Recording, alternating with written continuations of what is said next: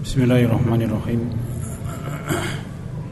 Assalamualaikum warahmatullahi wabarakatuh.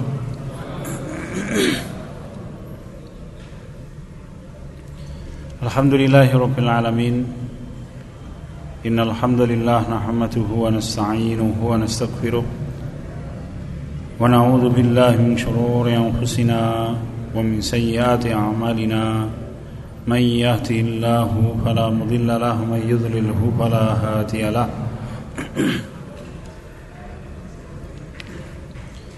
وأشهد أن لا إله إلا الله وحده لا شريك له وأشهد أن محمدا عبده ورسوله الذي لا نبي ولا رسول بعده. اللهم صل على محمد وعلى آله وأصحابه ومن تبعهم بالإحسان إلى يوم القيامة. أعوذ بالله من الشيطان الرجيم يا أيها الذين آمنوا اتقوا الله حق تقاته ولا تموتن إلا وأنتم مسلمون Alhamdulillahirrabbilalamin Hadirin sekalian Ibu-ibu, bapak-bapak, rekan-rekan sekalian yang dirahmati Allah subhanahu wa ta'ala Segala puji bagi Allah subhanahu wa ta'ala yang melimpahkan seluruh nikmat Mari kita bersyukur atas nikmat Allah terutama keimanan kita agama kita Islam. Kita laksanakan hadirin sekalian, kita masih membahas tentang akibat buruk ketika seorang manusia mencintai dunia melebihi atau sama sebagaimana mencintai Allah Subhanahu wa taala. Pertemuan kita paling akhir, kita bicarakan poin ini, kita ulangi kembali sebentar lalu kita tambah dengan poin yang lain. Imam Ibnul Qayyim al-Jauziyah rahimahullah menyampaikan bahwa cinta kepada selain Allah, cinta kepada dunia maksudnya dengan kriteria yang kita berikan kemarin ge, cinta kepada dunia yang menyamai cinta kepada Allah atau bahkan melebihinya lebih buruk itu maka akan menjadikan hati manusia tertawan dan melemahkan jiwa. Maknanya tertawan bagaimana dia dipaksa ketika orang mencintai dunia melebihi cintanya kepada Allah dia dipaksa oleh dunia untuk mengerjakan hal-hal yang mendatangkan mara bahaya besar dan dipaksa oleh dunia untuk meninggalkan hal-hal yang mendatangkan manfaat besar. Kenapa begitu? Rasul kita di dalam satu hadis Hadis ini hadis sahih Dengan syaratnya Imam Bukhari dan Muslim. Rasul kita menyampaikan Awkamakola huffatil jannatu bil makarih wa khuffatin naru bisyahwat.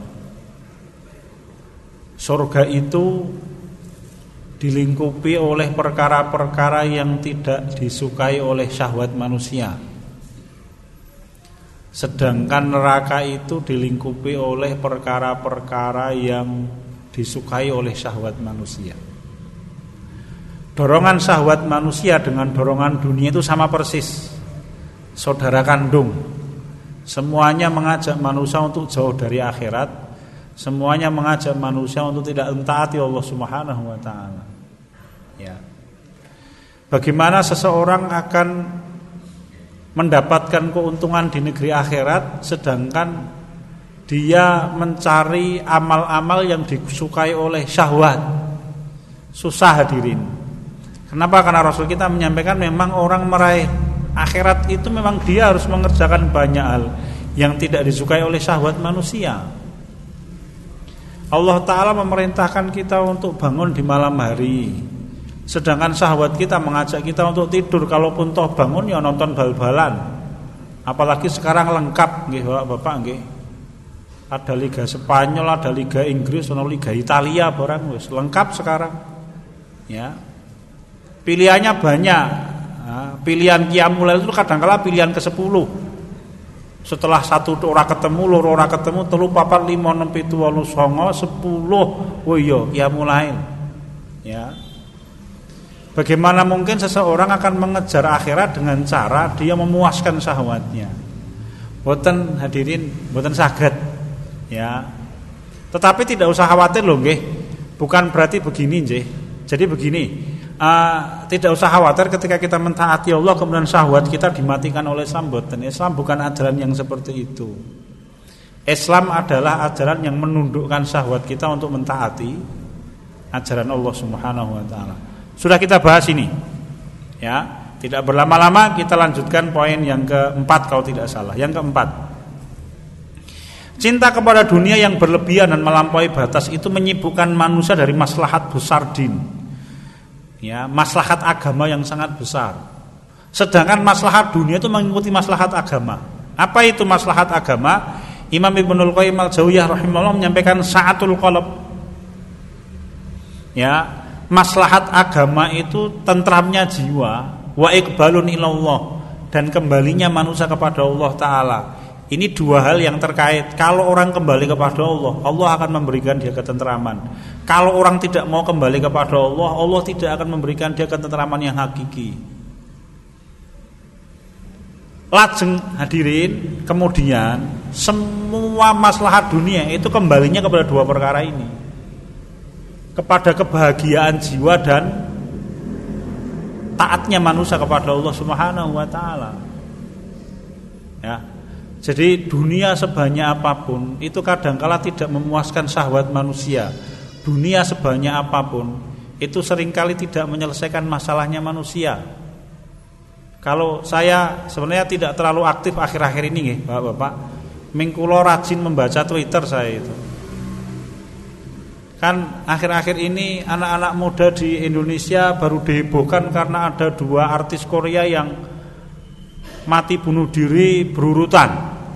Kacake sesasi nih salah. Jenenge sapa yo? Wong wedok apa komen wis? Buka Twitter nih Mas ketemu ya Tidak apa-apa ya. Saya tahu kenapa Karena saya itu penasaran Jadi kalau buka Twitter biasanya nanti ada trending topik Oh ya ketemu ini Ya Jadi Pertama kali itu saya penasaran Jenenge Suli Sopo tok wikiang Saya buka walah itu artis Korea Wonge Wayu terkenal nggih apa penggemarnya jutaan orang mati gantung diri bapak-bapak. Sekitar satu bulan yang lalu. Kenapa alasannya? Katanya dibully. J setelah itu teman akrabnya dua pekan yang lalu jenenge sopo yo angeli nyebut eh bapak Hara nggih mati yo bunuh diri meneh Uyo padha wae wong wedok wayu terkenal kaya raya nggih penggemarnya banyak sama kemudian mengikuti temannya bunuh diri. Pertanyaannya, apa toh yang tidak mereka miliki? Dari sisi dunia loh nggih. Maka Imam Ibnul Qayyim Al-Jauziyah menyampaikan, maslahat dunia itu baliknya kepada maslahat dua perkara ini. Kebahagiaan jiwa dan baliknya manusia kepada Allah taala. Kenapa begitu? Tapi kalau nanti kemudian kita ujungkan ini mengerucut, mengerucutnya itu kembali kepada Allah. Jadi orang ketika beriman kepada Allah sesusah apa pun dia, dia punya tempat untuk menyandarkan diri. Ya, sepusing apa pun orang yang beriman, dia punya tempat untuk mengungkapkan perasaannya, curhat dan tempat curhatnya tidak akan mengecewakan Bapak. Sinten itu? Allah Subhanahu wa taala. Ya. Maka ujungnya itu semuanya itu hanya pada waktu manusia mencintai dunia secara berlebihan. Kalau sepindah malih ngimutakan materi kita, jadi kita tidak mencela cinta kepada dunia loh nggih, kita mencela cinta kepada dunia yang diserupakan dengan cinta kepada Allah atau melebihkannya di atas cinta kepada Allah Subhanahu wa taala. Bapak. Jadi ketika manusia mencintai dunia secara berlebihan, akibatnya apa? Dia lalai akan dua perkara ini. Kebahagiaan, kebahagiaan jiwa punika hakikinya ya di dalam mentaati Allah. Ketaatan kita manusia kepada Allah Taala menciptakan kita satu tempat untuk mengembalikan seluruh perkara yang kita hadapi. as itulah Allah Subhanahu Wa Taala tempat menggantungkan harapan. Ya, tempat kita memohon segala sesuatu yang kita butuhkan. Itulah Allah Subhanahu wa taala dan orang yang mencintai dunia lalai dari itu. Seakan-akan dunia itu puncak dari semuanya. Maka Allah mengingatkan kita nggih Bapak-bapak. Dados menawi panjenengan mempunyai teman yang seperti itu jangan banyak-banyak didekati. Sekedar menyambung silaturahim monggo, tetapi jangan banyak didekati karena ini perintahnya Allah. Panjenengan silakan buka wonten ing surat An-Najm.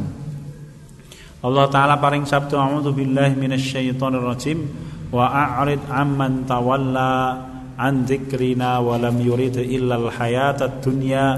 Dzalika mablaghuhum minal ilm. Inna rabbaka huwa a'lamu biman dhalla an sabilih wa huwa a'lamu biman ihtada. Wonten ing surat An-Najm ayatipun ayat ke-29 dan 30 wa a'rid amman tawalla an dzikrina berpalinlah engkau wahai Muhammad dari orang yang tidak memperhatikan aku memperhatikan kami dan dari orang yang berpaling dari peringatan kami. Walam yuridu illal hayatad dunia dan orang itu tidak punya cita-cita keinginan kecuali meraih kehidupan dunia. Zalika mablaghuhum minal ilm. Bahkan dunia itu menjadi puncak pengetahuan mereka. Ya.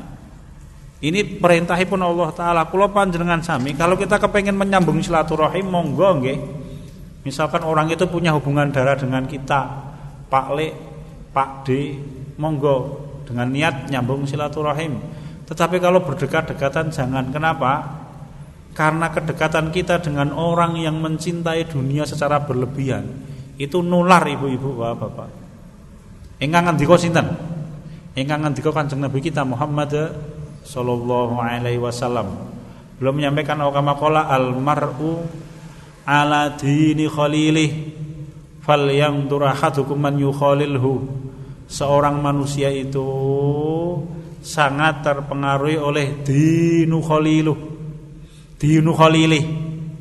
Dia sangat terpengaruhi oleh kebiasaan agama keyakinan pola pikir akhlak tingkah lakunya orang-orang yang paling dekat dengan dia. Fal yang ahadukum man yukhalilhu. Maka hendaklah kalian dengan seksama harus memperhatikan siapa orang yang akan kalian jadikan sebagai teman-teman akrab. Ya, Bapak-bapak. Nyun ngapunten saya cerita, cerita ini tidak baik.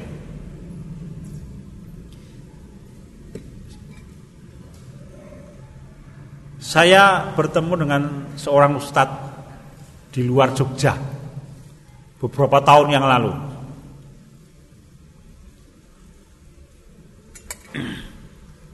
Waktu itu beliau bercerita sedang proses bercerai dengan sang istri kalau tidak salah. Lupa-lupa ingat saya.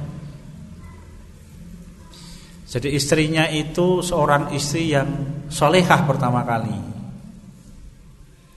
Ibu-ibu, nyong ngapunten nggih, karena ini ceritanya tentang ibunya ini, tentang istrinya. Mohon maaf, saya mohon maaf sebesar-besarnya. Datang dari keluarga sederhana, Sampai suatu saat sang istri sebenarnya kepengen mencari lingkungan yang baik.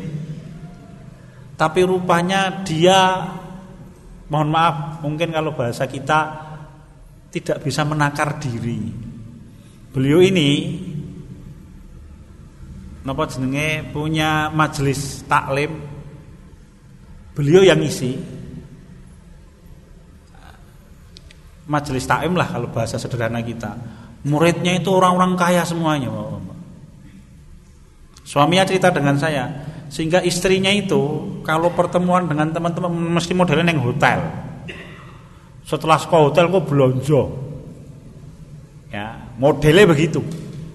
Ya. Dan rupanya pola itu Pola yang berpengaruh besar kepada istrinya. Sedangkan dia datang dari keluarga sederhana Sampai sang suami menceritakan saya tidak membicarakan aib loh ini, Om. Saya tidak menceritakan di mana orangnya, siapa namanya, alamatnya di mana, mboten loh. Saya hanya mengatakan di luar Jogja. Luar Jogja dengan ketemu neng Papua ya iso, nggih neng Merauke sana ya, atau misalkan di Sabang sana ya ketemu luar Jogja pokoknya. Itu bapak-bapak, ibu-ibu, ya sampai suaminya menyampaikan kepada saya, istri saya itu saya beri uang satu juta langsung entek. Saya berikan dua juta langsung entek saya berikan 4 juta langsung ngentek celing langsung ya Akhirnya ketika suaminya tidak bisa memberikan uang, apa yang dikerjakan istrinya minta cerai. Jadi bapak-bapak ibu-ibu. Almaru ala dini khalilihi. Betulan itu. Ya. Jadi saya tidak mengatakan kemudian teman-teman istrinya orang yang bersih tadi adalah pencinta dunia. Bukan loh nggih. Nah, gandeng wong sugih atau ibu-ibu wah bapak diblonjo sama suaminya satu bulan selawe yuto. Sing isi diblonjo suaminya satu bulan petang puluh yuto itu sedangkan ustazahnya diblonjo suaminya setiap bulan karo tengah yuto nggih no. Lan jomplang ibu-ibu bapak-bapak kemudian sang istri ini pola hidupnya dia bikin seperti murid-muridnya. Nggih bagi orang yang gajinya setiap bulan diberikan kepada istrinya satu bulan 40 juta toh beli baju harganya 600 ribu rupiah niku murah. No. Tapi bagi seorang ibu yang dibeli blonjo oleh suaminya ya satu bulan karo tengah yuto, to, tuku klambi regane 75.000 itu mikire nganti rong minggu. Waduh, tuku ora yo, tuku ora yo, tuku ora yo. Begitu ibu-ibu, bapak-bapak. Kalau namun kepengen cerita bahwa kebiasaan itu berpengaruh saya tidak mengatakan murid-muridnya itu orang-orang wanita yang tidak soleh. Mereka orang-orang soal ahli ibadah, Pak. Meng tadi lo, nek pulau nggih salah setting itu aja mungkin, nggih no. Salah settingan. Ya. Bukan salah settingannya ibu-ibu itu. Loh ibu-ibu tuh boy pancen wonge sugih-sugih kok. Ya. Sang ustazah ini yang tidak bisa men-setting dirinya. Ya, karena dia terbiasa ketemu dengan muridnya yang hidupnya begitu rupa, akhirnya dia ikut terbang ke awang-awang sampai dia lupa menapak ke bumi. Itu saja.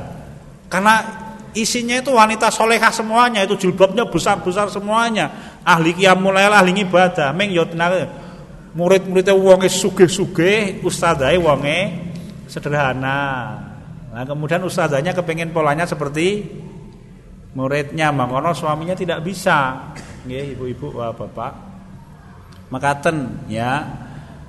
Jadi ibu-ibu, bapak, pengaruh kebiasaan itu berpengaruh. Ya.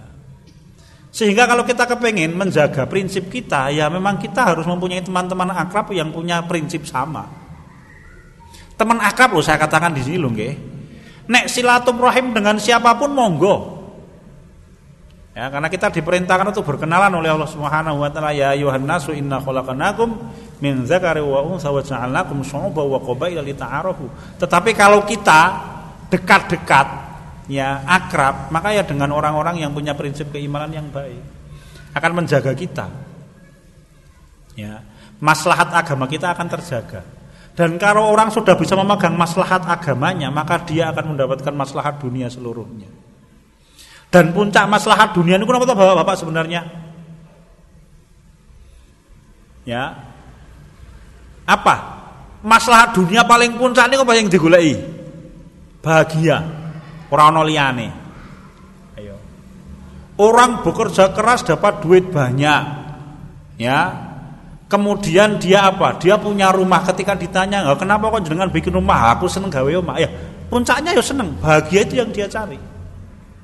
Kalau dia belum menikah kemudian dia menikah Kemudian ketika ditanya loh kenapa engkau menikah Saya kepengen bahagia Ketika dia menikah dia kepengen punya anak Kenapa dengan punya anak dia bahagia Jadi puncak maslahat dunia itu kebahagiaan Dan kebahagiaan yang hakiki itu Allah letakkan di dalam ketaatan kepada Allah Ta'ala Kalau nanti matur nggih Bahagia itu memang Allah letakkan di dalam tiga perkara Satu dalam keimanan atau ketaatan Yang kedua di dalam fisik Badan kita ini yang ketiga, ilmu pengetahuan.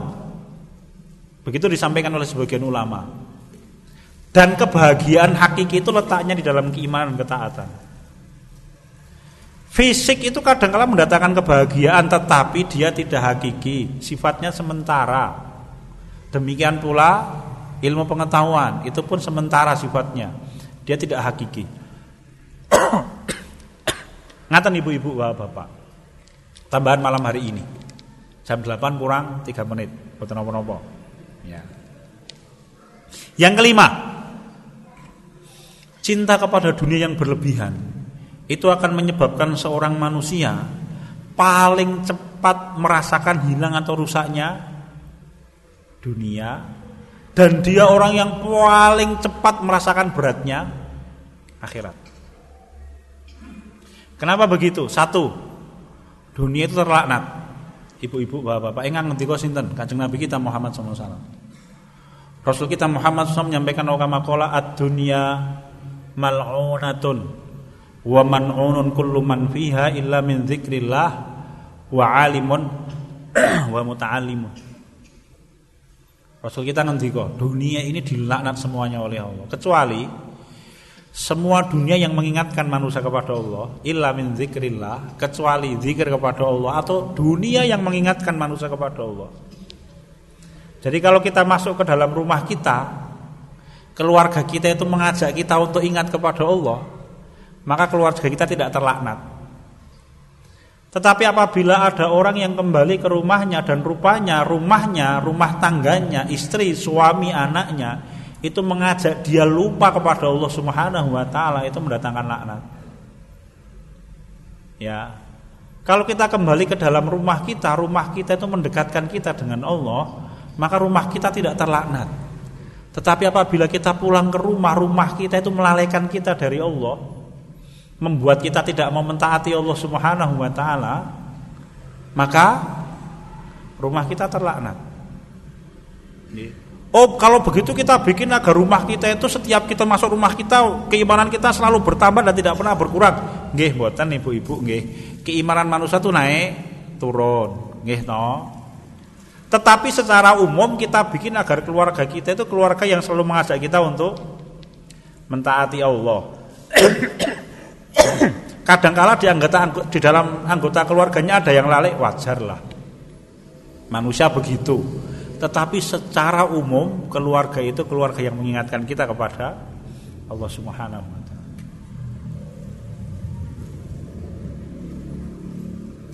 Wa alimun yang kedua orang yang alim kecuali orang yang memahami agama Allah taala.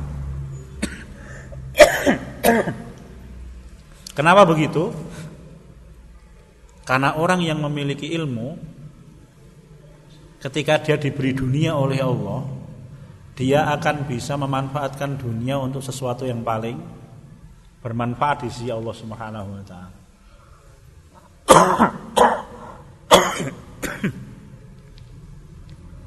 Maka Imam Ibnul Jauzi rahimahullah belum menyampaikan sahabat Rasul, para sahabat itu orang yang paling banyak meminta dunia kepada Allah. Ya ibu-ibu, bapak-bapak. Saya ulangi, Imam Ibnul Jauzi rahimahullah menyampaikan para sahabat Rasul itu orang yang paling banyak meminta dunia kepada Allah. Gampangane lah nih, gampangane ya. Kalau misalkan kita berdua minta kepada Allah dunia itu satu hari lima kali ba'da sholat Mereka lebih daripada lima kali meminta dunia kepada Allah Kenapa?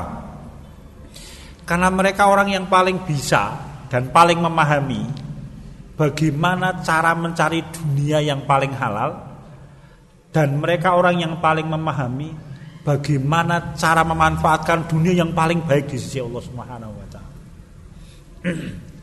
Begitu hadirin sekalian asadani Allah wa Alimun. Yang ketiga, au muta'allimun atau orang yang belajar. Karena kalau orang yang belajar itu orang yang berusaha memperbaiki diri setiap saat.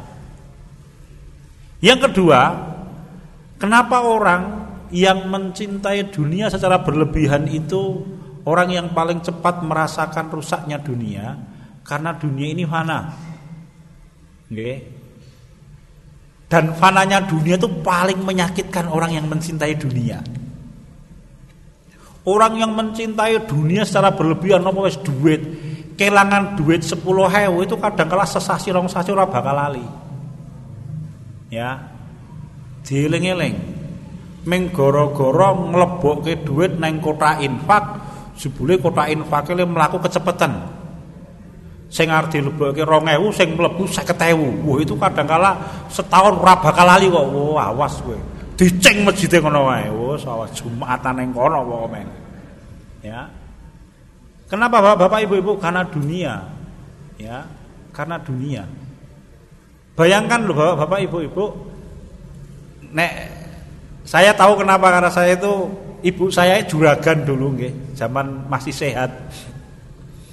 Ibu itu kalau pulaan dengan itulah pedagang-pedagang Beringharjo besar-besar ini. Ya. Pedagang-pedagang itu sampai 50 rupiah ditunggu Bapak. Pedagang-pedagang gue. Ya Anda tahulah mereka siapa itu. Nggih. 50 rupiah lo bayang no. Ya. Jadi kalau hitungannya kurang seket, seket rupiah ditunggu nanti dibayar seket rupiah. Kalau kita kan lah seket rupiah wes loh, sodakoh kesisan wes gue jenengan mohon bu. Ya. Bahkan kadang-kala kalau kita parkir, parkir ini sewu kita berikan rongewu kadang-kala tukang parkir lain buka nganti kangen pun pak sing sewu gue jenengan no. Ini seket rupiah ditunggu loh ibu-ibu. Alasannya oh hitungan, gitu. Ya begitulah. Hadirin sekalian Allah wa iyyakum. Rasul kita itu kalau meminjam barang, kalau beliau mengembalikan, beliau akan mengembalikan yang setara atau lebih baik. Kalau kisah yang terkenal itu lebih baik. Rasul kita pernah punya pinjaman unta. Kemudian ditagih unta itu orang-orang yang Yahudi. Rasul kita cari unta yang seharga tidak ada, beliau belikan yang lebih baik. Beliau kembalikan kepada orang Yahudi unta yang lebih baik. Ini bukan riba loh nggih. Karena tidak ada kesepakatan di awal. Ya hadirin sekalian Dan enteng mawon begitu hadirin. Kenapa? Karena kalau orang zuhud kepada dunia itu Imam Syafi'i menyampaikan pernah kita ingatkan Belum ditanya mungkinkah seorang manusia itu zuhud kepada dunia sedangkan dia sedang memegang uang milik dia seribu dinar. Seribu dinar itu berapa? Tiga miliar rupiah kira-kira kalau kita rupiahkan. Jadi Mungkin tidak. Maka Imam Syafi'i menjawab bisa saja. Selama berkurangnya uang itu tidak akan menyebabkan dia sedih dan bertambahnya harta itu tidak menyebabkan dia bahagia, biasa saja. Nggih, Bapak Ibu Ibu. Yang ketiga kenapa begitu? Karena dunia itu melalaikan tugas utama sehingga dia orang yang mencintai dunia berlebihan dilaknat oleh Allah Subhanahu wa taala. dijauhkan dari rahmatnya. Dan dia di hari kiamat kelak menjadi orang yang pertama kali merasakan beratnya akhirat. Ingat Bapak-bapak, wonten hadis sahih. Orang yang pertama kali dihisap amalnya oleh Allah itu orang alim, ahli sodakoh dan mujahid. Yang satu orang alim yang mencari ketenaran, yang kedua orang yang bersodakoh mencari ketenaran, yang ketiga orang yang berjuang untuk mencari ketenaran. Mereka orang yang pertama kali masuk ke dalam neraka kata Rasul kita Muhammad Shallallahu Alaihi Wasallam. Apa yang dia cari? Dunia. Ya, Bapak, Bapak, dunia. Kita mohon perlindungan kepada Allah Subhanahu Wa Taala. Sebenarnya keterangan ini masih panjang Bapak, namun cekap nggih, jam 8 lebih 5 menit. Insya Allah kita laksanakan dalam pertemuan yang akan datang. Sekian dan demikian apa yang bisa kita bicarakan semoga Allah taala memberikan kita kebaikan dunia dan kebaikan akhirat. Sebelum satu tutup ada pertanyaan Bapak? Bapak.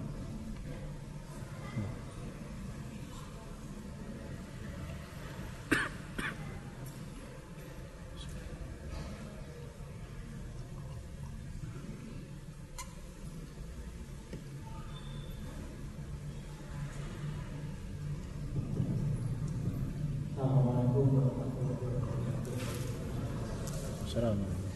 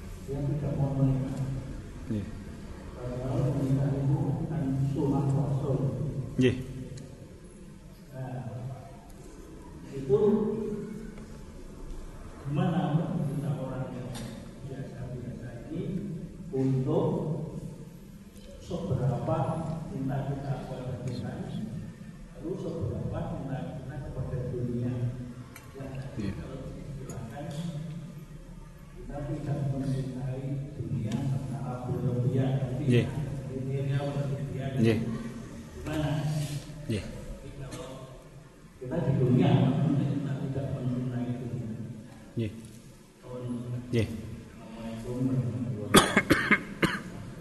Assalamualaikum warahmatullahi wabarakatuh. Bagaimana cinta berlebihan kepada dunia sudah kita ingatkan. Yang pertama yaitu orang yang mencintai dunia seperti mencintai Allah. Yang kedua mencintai dunia di atas cinta kepada Allah. Lalu bagaimana kita bisa mencintai dunia yang paling aman? Cinta kepada dunia yang paling aman itu mencintai dunia karena Allah. Pernah kita bahas nih sebenarnya Bapak nih, materi dulu itu. Jadi ada mahabbatullah, ada mahabbatun lillah, ada mahabbatun fillah, Jadi ada mencintai Allah, ada mencintai karena Allah dan mencintai dalam mentaati Allah Subhanahu wa taala. Jadi mari kita cintai anak kita, tapi cinta kita kepada anak kita karena Allah. Tandanya apa? Tandanya amar ma'ruf nahi mungkar. Kita cintai istri kita atau suami ibu-ibu karena Allah. Tandanya satu saja, al-amru bil ma'ruf wan nahyu anil mungkar. Kalau kita mencintai rumah kita karena Allah, kita pakai rumah kita untuk mentaati Allah Subhanahu wa taala. Kalau kita mencintai mobil kita, maka kita pakai mobil kita untuk mentaati Allah Subhanahu wa taala. Itu yang paling selamat, Pak. Aten. Begitu.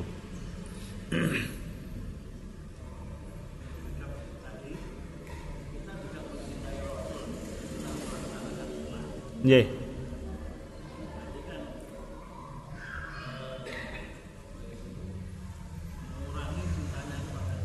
Men, kalau kita mencintai Rasul berarti kita mencinta, mengurangi cinta kita kepada Allah mboten. Justru ketika kita mencintai Rasul itu bagian cinta kita kepada Allah. Kenapa? Karena kita mencintai Rasul itu karena Allah, bukan karena zatnya loh. Ya. Jadi satu-satunya yang berhak dicintai karena zatnya itu hanya Allah. Kalau ada orang mencintai sesuatu selain Allah karena zatnya, maka dia jatuh ke dalam syirkul syirik besar namanya syirkul mahabbah. Ya. Jadi kita itu mencintai Allah karena Allah mempunyai sifat apa? bijaksana lah. Kebijaksanaannya Allah itu kita cintai. Zatnya Allah itu kita cintai. Allah itu mempunyai sifat penglihatan. Karena Allah Maha melihat. Ya kita tuh cintai zatnya Allah, ya penglihatannya Allah kita cintai yang Maha Suci itu. Ya pendengarannya Allah kita cintai yang Maha Suci itu. Allah beristiwa ya istiwanya Allah itu kita cintai karena maha sucinya Allah Ta'ala dan maha mulianya Allah Tetapi selain Allah itu kita cintai karena Allah Jadi kalau kita ditanya kenapa kita mencintai Nabi Isa Karena Allah memerintahkan kita dan mewajibkan kita mencintai Nabi Isa Kalau kita ditanya kenapa kita mencintai Nabi Adam alaihissalam Karena Allah mewajibkan kita mencintai Nabi Adam alaihissalam Kenapa kita mencintai kanjeng Nabi kita Muhammad SAW karena Allah memerintahkan kita mencintai Nabi Muhammad di atas alam semesta. Kecuali hanya Allah saja yang ada di atas. Begitu alasannya. Jadi kalau kita mencintai Nabi Muhammad apakah akan mengurangi cakaran cinta kita kepada Allah? Bukan, enggak. Justru itu wujud cinta kita kepada Allah. Kenapa? Karena kita mencintai Nabi Muhammad karena Allah, karena kita diperintahkan oleh Allah Subhanahu wa taala dan di dalam mentaati Allah Subhanahu wa taala. Ngaten. Jadi kita tidak sekali lagi saya katakan ibu-ibu bapak satu-satunya yang boleh dicintai karena zatnya itu hanya Allah. Siapa pun orang yang mencintai sesuatu karena zatnya selain Allah maka dia jatuh ke dalam syirik, syirik besar namanya syirkul mahabbah. J. Begitu. Ngaten nggih. Cekap? Ada yang lain? Monggo.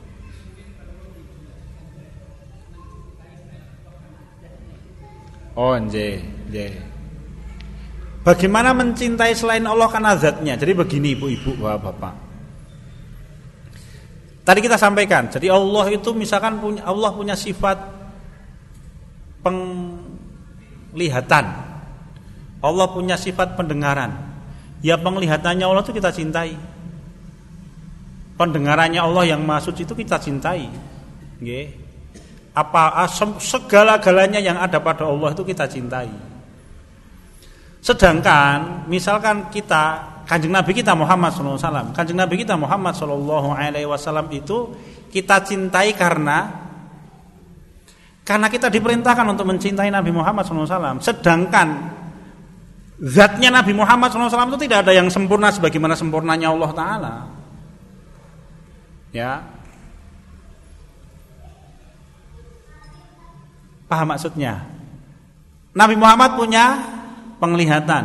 Penglihatannya Nabi Muhammad berbeda dengan penglihatannya Allah Ta'ala yang maha sempurna dan maha suci. Ya. Nabi Muhammad punya pendengaran. Ya pendengarannya Nabi Muhammad berbeda dengan pendengaran Allah Ta'ala yang maha sempurna dan maha suci. Kita cintai Rasul itu karena Allah memerintahkan kita mencintai Nabi Muhammad karena beliau utusan Allah Subhanahu wa taala. Gampangannya begini. Kalau kita berikan contoh untuk Nabi Muhammad ora tego. Misalkan Nabi Khidir alaihi salam. Misalkan Nabi Khidir itu bukan nabi ya. Bukan nabi, misalkan loh niki Nabi Khidir itu bukan nabi, bukan orang soleh, bukan orang yang diperintahkan oleh Allah Taala untuk kita cintai. Pertanyaannya, Akankah kita mencintai seorang yang bernama Khidir itu? Duduknya dia, jalannya dia, makannya dia itu. Kita cintai tidak? Tidak. Ya. Kalau kemudian kita mencintai dan menghormati Nabi Khidir karena memang kita diperintahkan mencintai dan menghormati seluruh nabi, itu perintah Allah Subhanahu wa taala. Jadi Bapak-bapak, tapi berbeda dengan Allah Subhanahu wa taala. Afalnya Allah itu seluruhnya kita cintai. Takdirnya Allah apa pun itu semuanya kita cintai. Zatnya Allah taala dengan semua sifatnya itu kita cintai. Ya. Tapi kalau makhluk tidak begitu. Makhluk itu kalau kita cintai karena kita diperintahkan untuk mencintainya. Kalau misalkan dia bukan sesuatu yang diperintahkan oleh Allah untuk kita cintai, kita tidak akan mencintainya. Contohnya tadi loh, Nabi Khidir alaihi salam. Kita cintai Nabi Khidir, kita hormati. Kenapa? Karena Allah merintahkan kita mencintai semua Nabi dan semua Rasul. Misalkan, misalkan begini, nama Khidir itu dimiliki oleh seorang penjahat. Misalkan, mohon maaf ini misalkan. Mungkinkah kita suka dengan caranya dia duduk? Tidak. Mungkinkah kita suka dengan caranya dia makan? Tidak. Bisa dipahami nggih Bapak Ibu-ibu. Ya. Jadi kalau misalkan kita mencu kita suka dengan cara duduknya Rasul kenapa? Karena caranya duduknya Rasul itu adalah cara yang diridhoi oleh Allah dan Allah memerintahkan Rasul duduknya seperti itu. Ya. Kita suka dengan cara tidurnya Nabi Muhammad. Kenapa? Karena Allah merintahkan Rasul tidurnya seperti itu dan itu cara tidur yang disukai Allah Subhanahu wa taala. Maka kita mengikuti cara tidurnya Nabi Muhammad dan kita suka Rasul kita kalau tidur menghadap ke arah kanan, toh? Beliau meletakkan tangannya di bawah kepala. Kita suka itu kenapa? Karena Allah yang memerintahkan Rasul kita untuk mengerjakan itu. Menurut saya itu Ora kalau misalkan saya memberikan contohnya Nabi Muhammad, saya berikan contoh Nabi Khidir itu loh. Nggih.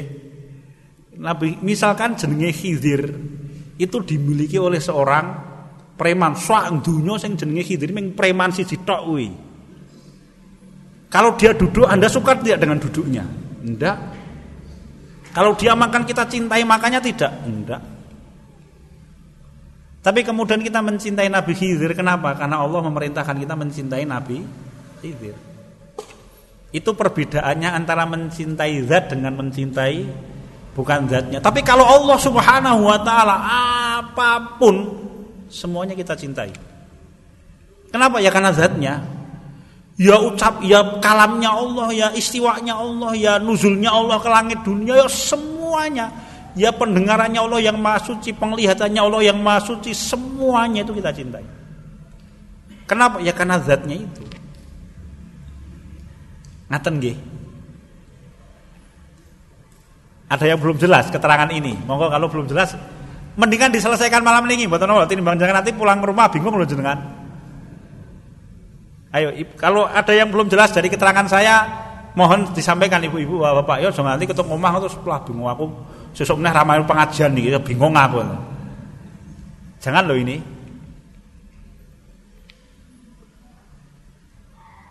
Ibu-ibu, bapak, bisa dipahami tidak? Jadi sekali lagi saya ulangi, satu-satunya yang boleh dicintai karena zatnya itu hanya Allah. Ya. Tetapi kalau selain Allah itu kita cintai kenapa? Karena kita diperintahkan. Kita cinta dengan cara duduknya Nabi Muhammad. Kenapa? Karena Allah yang membimbing Nabi Muhammad untuk duduk dengan cara yang paling dicintai oleh Allah. Kita suka dengan cara Rasul kita berpakaian, kita cintai itu dan kita ikuti. Kenapa? Karena Allah yang membimbing Nabi Muhammad untuk berpakaian dengan pakaian yang paling dicintai oleh Allah taala. Ya. Itu kalau kita cinta kita kepada Nabi kita Muhammad sallallahu alaihi wasallam. Bukan zatnya, tetapi karena kita diperintahkan oleh Allah untuk mencintai itu. Bisa dibedakan nggih ibu-ibu, bapak-bapak? Sekap. Untuk pertanyaan ini masih ada satu satu lagi penanya kalau ada. Atau masih ada yang bingung dari pertanyaan ini tadi? Saya itu loh niki timbangan jenengan pulang ke rumah bingung nanti bisa dipahami? Ya.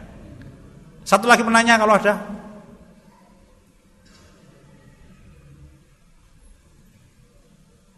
Cekap. Nggih, menika yang saged kula aturaken mugi-mugi Allah taala memberikan kita kebaikan dunia dan akhirat. Kita tutup subhanallahumma wa bihamdika asyhadu an la ilaha illa anta astaghfiruka wa atubu ilaik. Alhamdulillahirabbil alamin. Assalamualaikum warahmatullahi wabarakatuh.